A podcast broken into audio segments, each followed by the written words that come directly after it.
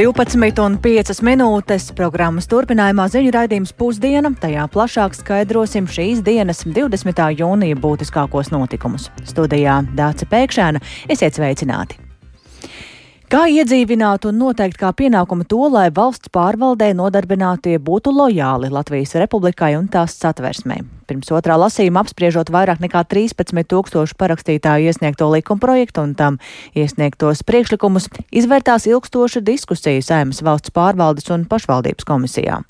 Likumprojektā arī aicina konkretizēt valstis, kuru teritoriālās nedalāmības publisko apšaubīšanu varētu traktēt kā lojalitātes pārkāpumu. Tomēr Arī šo un citus iesniegtos priekšlikumus deputāti vēl tiecas pārspriest un darbu turpināt vēlāk vasarā. Vairāk par to pastāstīs kolēģis Jānis Kīncis, kurš ir šobrīd pieslēdzies tiešaidē. Sveiks, Jāni! Sveika, Dārts! Sveicināti radio klausītāji! Sagatavotie grozījumi valsts pārvaldes iekārtas likuma 102. pantā paredz noteikti, ka publiskas personas institūcijā nodarbinātajam ir pienākums būt lojālam Latvijas republikai un tās satversmei.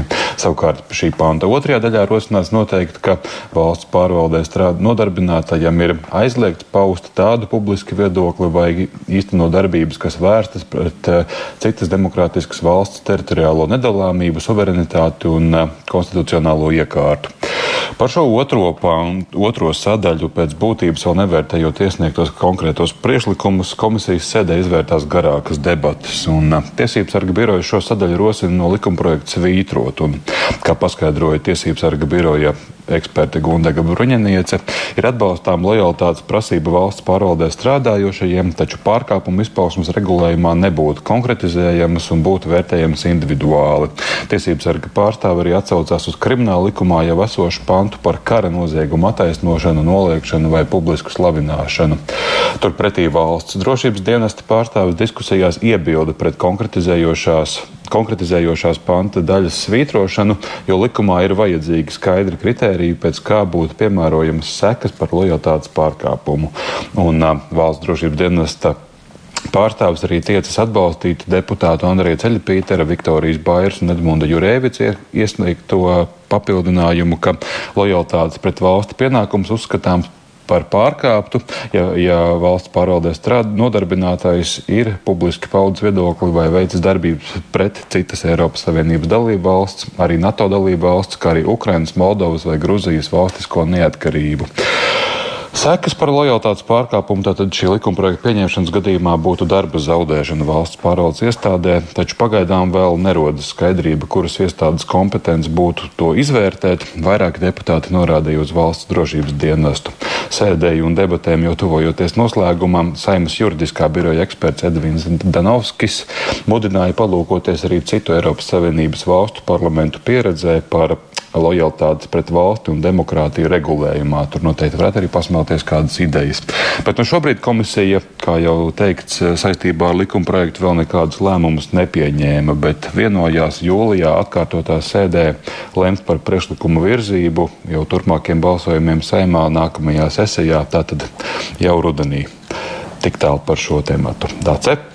Paldies Jānim Kincim. Tas tātad par lojalitāti pret valstī, un mēs turpināsim sekot līdz šim jautājumam, bet eh, cik atklātas un pieejamas iedzīvotājiem ir pašvaldības? To ir izvērtējusi sabiedrība par atklātību dēlnam, šodien publiskojot izvērtējuma pašvaldību atklātības indeksa rezultātus.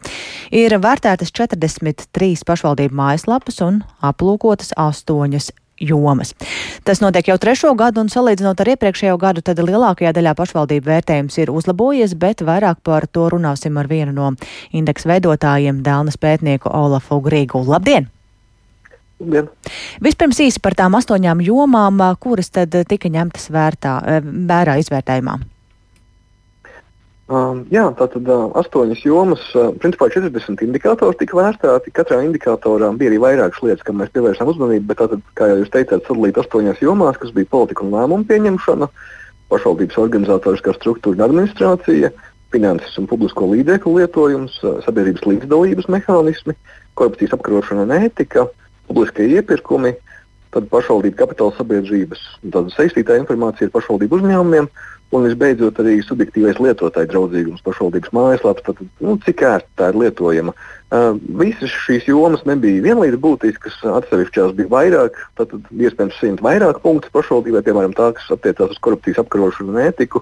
Savukārt par lietotāju draudzīgumu bija iespējams saņemt tikai vienu no šiem 40 kopējiem punktiem. Un es saprotu, ka lielākajā daļā pašvaldību ir uzlabojumi. Prezentācijā arī redzēju, ka rādījāt karti, kur tas bija labi vizuāli redzams, bet eh, konkrēti par pašvaldībām runājot, kurās tad tā situācija ir vislabākā un kur nu, tomēr var būt sliktāka. Nu, vislabākā situācija joprojām ir Rīgas valsts pilsētā, tātad galvaspilsētā, kas varētu mazliet radīt tas bažas, ka, nu, principā, teikt, tas ideāls, uz ko mēs tiecamies, ir sasniedzams tikai pašvaldībām, kurām ir daudz resursu, kā tas ir Rīgas gadījumā. Bet nu, tā tomēr nav, jo mēs redzam, ka arī citas pašvaldības, kas ir mazākas, ir ļoti uzlabojušas savu rezultātu. Tāds sevišķs liels izrāviens, arī ja mēs skatāmies uz to trīs gadu periodu, kurā mēs vērtējam mājaslapas, ir piemēram, ādažu, ropažu un preļu novadiem. Tātad nu, šīs mājaslapas ir tādu būtisku uzlabojumu rezultātā uzrādījušas. Um, jā, un kur tā situācija vissliktākā ir? Vissliktākā situācija joprojām ir Varakļāna novadā, diemžēl.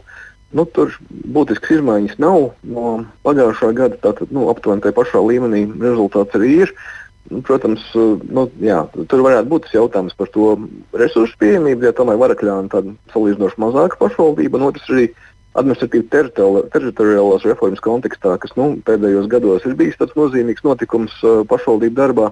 Jāņem vērā, ka Varakļāna varbūt uh, nu, pašvaldība nejūtas pilnīgi pārliecināta par savu nākotni un par to, vai tā nevarētu tikt pievienot kādai citai arī nākotnē. Jo, nu, tomēr tāds viedoklis pastāv, ka tam būtu bijis jānotiek. Uh, Un tad, attiecīgi, varbūt nu, rēķinoties uz to savas nākotnes neparedzamību, arī tā varbūt mazāk uzmanība tika pievērsta mājaslapas uzlabojumiem. Tā varētu būt tāds iespējams skaidrojums.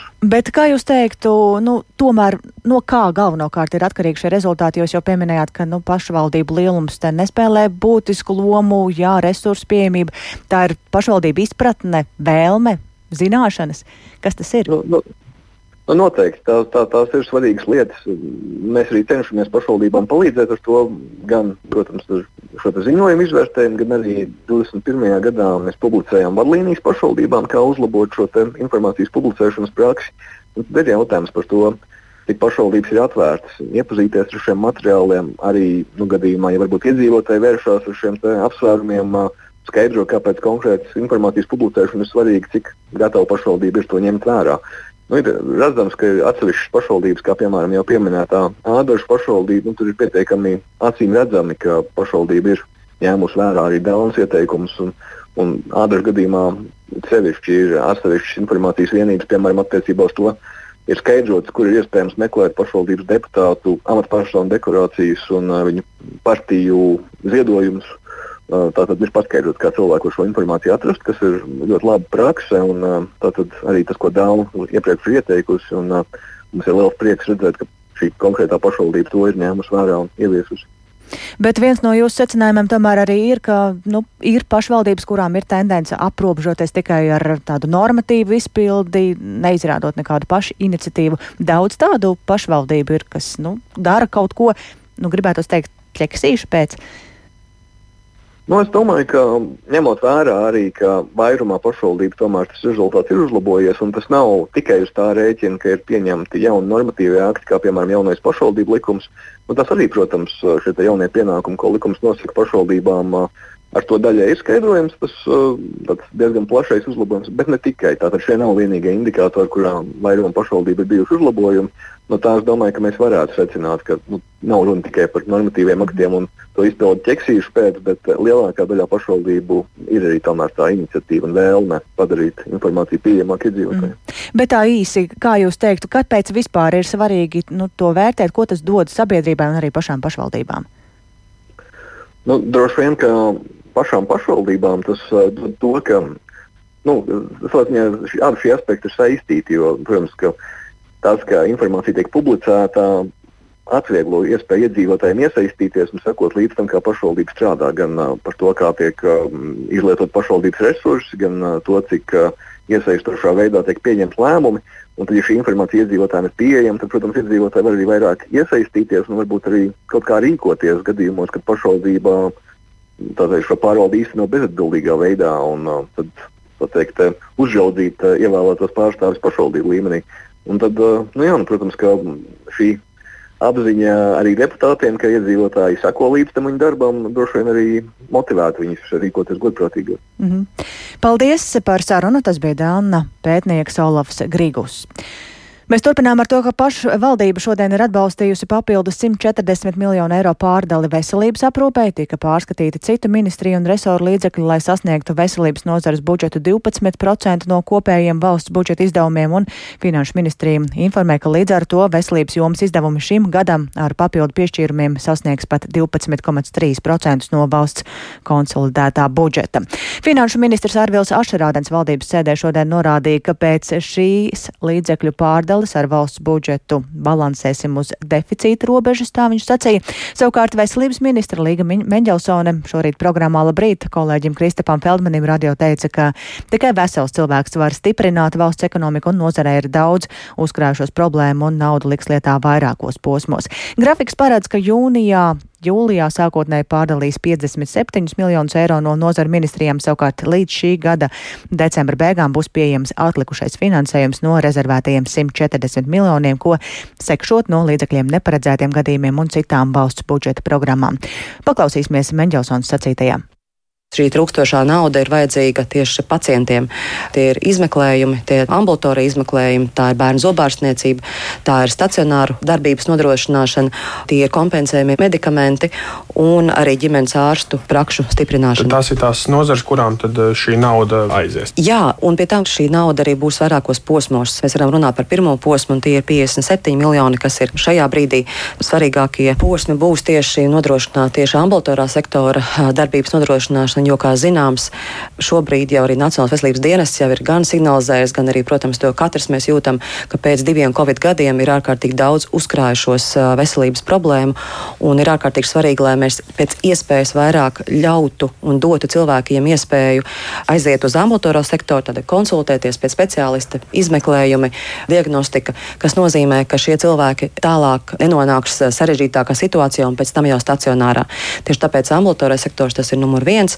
Numur divi ir, protams, mūsu tāds sāpīgais punkts, tā ir bērnu zobārstniecība. Bet eh, mēs šobrīd runājam par tādu nu, ugunsgrēku dzēšanu. Te nav nekādas runas par attīstību un inovācijām. Tieši tā, šeit mēs pat nerunājam arī par to, ka mēs eh, rindas samazināsim. Mēs noturēsim rindas esošajā līmenī, nevis eh, pagarināsim. Jo šo situāciju mēs signalizējām jau gada sākumā, ka tā tas ir. Un, uh, mēs pat nebijām reiķinājušies ar to, ka vēl būs 20% pieaugums pēc izmeklējumiem, jo tiešām šī situācija un veselības kopējais stāvoklis pēc Covid ir tikai un vienīgi pasliktinājies.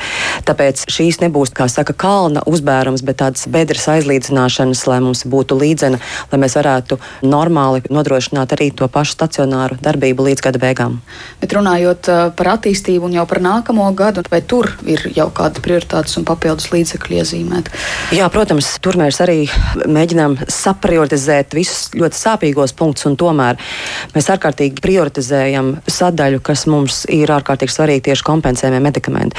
Jo, kā zināms, tieši ar kompensējumiem medikamentiem, ar inovatīvajām zālēm mēs varam izglābt ļoti daudz darbspējīgus cilvēkus, kurus mēs varam tiešām nevis uzreiz tā būtu kāda sarežģīta operācija, bet tiešām tas ir palīdzīgs veikts. Tāpēc eh, tieši uz kompensējumiem medikamenti, inovatīvie medikamenti, tā ir uh, arī primārās veselības uh, stiprināšana un, protams, arī ambulatorais sektors. Tās ir tās galvenās lietas.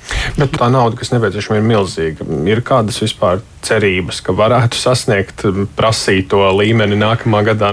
Tas ir tāds ļoti kustīgs mērķis. Tas ir numur viens. Un numur divi, protams, arī tas, ka, ja mēs esam gadiem negājuši līdz šai tendencei, ka mūsu dzīves ilgums tomēr palielinās. Faktiski jau ir plus 15 gadus. Mēs esam ieguvuši kopš 2000. gada, pateicoties mediķiem, dažādām inovatīvām metodēm, pateicoties diagnostikai. Tāpēc mēs arī kā sabiedrība mēs neesam ar mieru, ka mūsu vai mūsu tuviniekus ārstē, piemēram, ar kādām 90. gadu metodēm. Mēs gribam, kā jebkuram Eiropas pilsonim, pieejams medikamentus, metodas. Tāpēc, protams, tas viss kļūst aizvien tikai dārgāks. Līdz ar to sabiedrības novecošanās, visu jauno medikamentu ienākšana kā iespēja mūsu cilvēkiem, tas, protams, rada papildus izdevumus. Bet, um, te mums jāliek kopā, protams, ar gan IKP, gan uh, budžeta izdevumiem, jo katras labklājīgas sabiedrības un drošas sabiedrības viens no pamata elementiem ir, cik naudas tiek atvēlēts tieši veselības aizsardzībai. Tik tālu veselības ministre Līga Meģelsona sarunā ar kolēģiem Kristapa Feldmanu un Sintiju Amboti. Bet Atlantijas okeāna ziemeļos turpinās plaša meklēšanas operācija, lai atrastu nelielu privātu zemūdeni, ko izmantoja, lai aizvestu turistus aplūkot okeāna dzelmē nogrimušā leģendārā pasažieru kuģa Titaniks vraku. Zemūdeni pazuda pirms divām dienām, tomēr glābēji saglabā cerību atrast peldlīdzekli un izglābt tajā esošos cilvēkus. Un studijā šobrīd man pievienojas kolēģis Uldis Česberis, kurš var pastāstīt vairāk par notikušo. Sveiks, Uldi, un uh, saki, kas īsti ir zināms par zemūdens pazušanu un uh, kā norit tās meklēšana? Jā, labdien! Sešus metrus garā zemūdene ar nosaukumu Titan, kurā atradās pieci cilvēki, svētdien agri no rīta nolaidās dzelmē, lai tā tad mēģinātu sasniegt Titanika vraku, kas guļ aptuveni 3800 metru dziļumā. Un pēc nepilnām divām stundām izpētes kuģis, kas pavadīja zemūdeni, zaudēja kontaktu ar peldlīdzekli. Un uzņēmums OceanGate, kam šī zemūdeni piedara, svētdien vakarā uzsāka savu meklēšanas operāciju, kurā iesaistījās eh, vairāki privātie kuģi, un šis uzņēmums arī lūdza Kanādas un ASV krasta apsardzes palīdzību. Un ASV krasta apsardzes eh, kontradmirālis Džons eh, Maugers pastāstīja, ka meklēšanas darbi norisinās aptuveni 600 km attālumā no Kanādas austrumu piekrastes un neslēpja, ka tas ir ļoti izaicinoši un varam paklausīties viņa komentāru. It is a, a remote area. Uh, Tā ir attāla teritorija, un veikt meklēšanu šādā attālā teritorijā ir sarežģīti. Taču mēs izmantojam visus mums pieejamos līdzekļus, lai mēģinātu atrast peldlīdzekli un izglābtu cilvēkus, kas tajā atrodas. Zemūdens operators apgalvo, ka šis kuģis ir projektēts tā, lai avārijas gadījumā peldlīdzekļa kabīni spētu nodrošināt ar skābekli 96 stundas. Tāpēc mēs izmantojam šo laiku, lai mēģinātu noteikt kuģa atrašanās atrašanās vietu. Jā, nu kā dzirdējām, tad nav daudz laika, lai varētu atrast zemūdeni, tāpēc meklēšanas darbos ir iesaistītas gan vairākas līdmašīnas, kas no gaisa mēģina ieraudzīt, vai pazudušais peldlīdzeklis nav uzpeldējis virs ūdens, gan arī ar sonārām tehnoloģijām aprīkoti kuģi, kas veic meklēšanu zem ūdens. Un Džons Maugers sacīja, ka gadījumā, ja peldlīdzekli atradīs zem ūdens, būs nepieciešama papildu palīdzība no ASV jūras kara flotes un arī privātā sektora. Nu, eksperti gan norāda, ka zemūdens izcelšana no dzelmes varētu būt ļoti sarežģīta, jo īpaši, ja peldlīdzeklis būs iesprūdis tur visapkārt izkaisītajās Titanika atlūzās. Bet kā ir ar cilvēkiem, kas tur atrodas, ir zināms, kas tie ir? Jā, nu, kā jau minēju, tad zemūdenē atradās pieci cilvēki, un Pašlaik ir apstiprināts, ka viņu vidū bija britu miljardieris un arī piedzīvojuma meklētājs Hamišs Hārdings, kurš svētdien savos sociālajos tīklos ar nu, tādu lepnumu paziņoja, ka viņam būs iespēja doties okeāna dzelzmē un aplūkot Titanika vraku, kas, eh, kā var saprast, ir viņa tāds mūža sapnis. Un tāpat ir zināms, ka zemūdenē atradās arī miljardieris Šahzada Davūds, kurš ir viens no bagātākajiem cilvēkiem Pakistānā, un arī viņa dēls eh, Sulemans. Un uh, Davūdu ģimene arī ir apstiprinājusi, jā, ka viņi abi ir atradušies šajā peldlīdzeklē. Pagaidām nav apstiprināts oficiāli, bet mediji vēsta, ka zemūdenē atradās arī franču zemūdens pētnieks Pols Henri Naržolē un uh, uzņēmuma, kuram piederēja šī zemūdene Oceangate vadītājs Stocktons Rašs. Um, bet jā, nu šī informācija nav līdz galam apstiprināta. Uh, vēl piebildīšu, ka uzņēmums Ocean Gate uh, par astoņu dienu ilgu ekspedīciju, kuras uh, kulminācija tad ir došanās zem ūdens, lai aplūkotu Titanika raku, no personas iekasē 250 tūkstošus dolāru, jeb 228 tūkstošus eiro. Tātad diezgan dārgs pasākums, kas iespējams šajā gadījumā ir beidzies ļoti, ļoti traģiski. Bet, protams, tuvākajās dienās sekosim tam, kas notiek un kā no, norisinās meklēšanas darbi, un iespējams būs arī kādas labas ziņas. Nu, cerēsim uz labām ziņām. Paldies Uldim Česberim, bet mēs atgriežamies pašmājās. Jo pēc dažām dienām klāt svētki, taču operatīvo dienestu apkopotā statistika liecina, ka ik gadu Jāņu brīvdienas aptumšo dažādi nelaimes gadījumi, izceļas ugunsgrēki, nepareizas ugunskura vai grila kurināšanas dēļ ir aizrīšanās gadījumi vai ligotāji gūs smagus apdegumus, tāpat arī gadu no gada kādam šie svētki pārvēršas par traģēdiju, jo iedzīvotāji dodas peldēties vai sēžas pie automašīnas stūres alkohola reibumā. Ko darīt, lai svētku sajūtas netiktu sabojātas, to šodien īpašā pasākumā atgādināja operatīvie dienesti, un tieši tāpēc arī pie mūsu telefona klausulas šobrīd neatliekamās medicīniskās palīdzības dienesta brigādes mediķis un pirmās palīdzības speciālists Miķelis Puķītis. Labdien! Sveiki, labdien! Kā jūs teiktu, kādas ir tās raksturīgākās traumas Jāņos, un vai tās katru gadu ir vienas un tās pašas, vai arī tās mainās? Uh, nu, tomēr ir sezonalitāte, ir uh, nu, tomēr svinēšana katru gadu ir uh, ļoti līdzīga. Tradīcijas uh, nu, tomēr atkārtojās katru gadu. Un, uh, gan aizrīšanās, gan apgabumi, gan slikšanas gadījumi tās tomēr ir topā, it īpaši šajās divās, trijās uh, svinību dienās katru gadu. Nu, katrā ziņā svētki ir vairākas dienas, un noteikti arī traumu skaits šajā laikā palielinās. Kam jūs īpaši aicināt pievērst uzmanību tagad, pirms svētkiem un arī svinēšanas laikā? Noteikti sagatavoties, sagatavoties tātad lietot nu, tātad daudz šķidruma, paņemt līdzi pietiekami daudz, pietiekami daudz ūdens, noteikti padomāt par bērniem, par sauļošanās krēmiem, tātad arī par visiem nu, medikamentiem ir nepieciešami. Jā, tomēr svētku dienas viss ciet.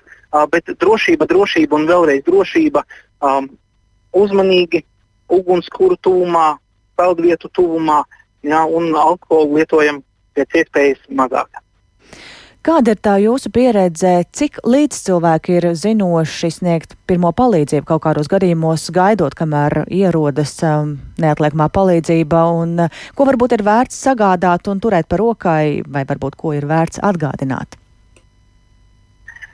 Nu, jā, atgādināt noteikti vajadzētu katram Latvijas iedzīvotājam um, par pirmās palīdzības pamatprincipiem, jo tomēr tās ir dzīvību glābjošas lietas, Uh, kā piemēram aizdrīšanās gadījumā mums ir tikai nu, teiktu, divas minūtes. Uh, par palīdzības sniegšanu viss ir atkarīgs no laika, kad tieši šīs pamatzināšanas ir apgūtas.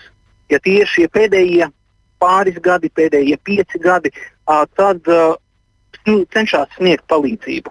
Uh, ja tomēr tas kurs vai nav vietas, vai, uh, vai tas jau ir bijis sen, sen tad, uh, protams, ar to palīdzības sniegšanu cilvēki nav tik, tik naski.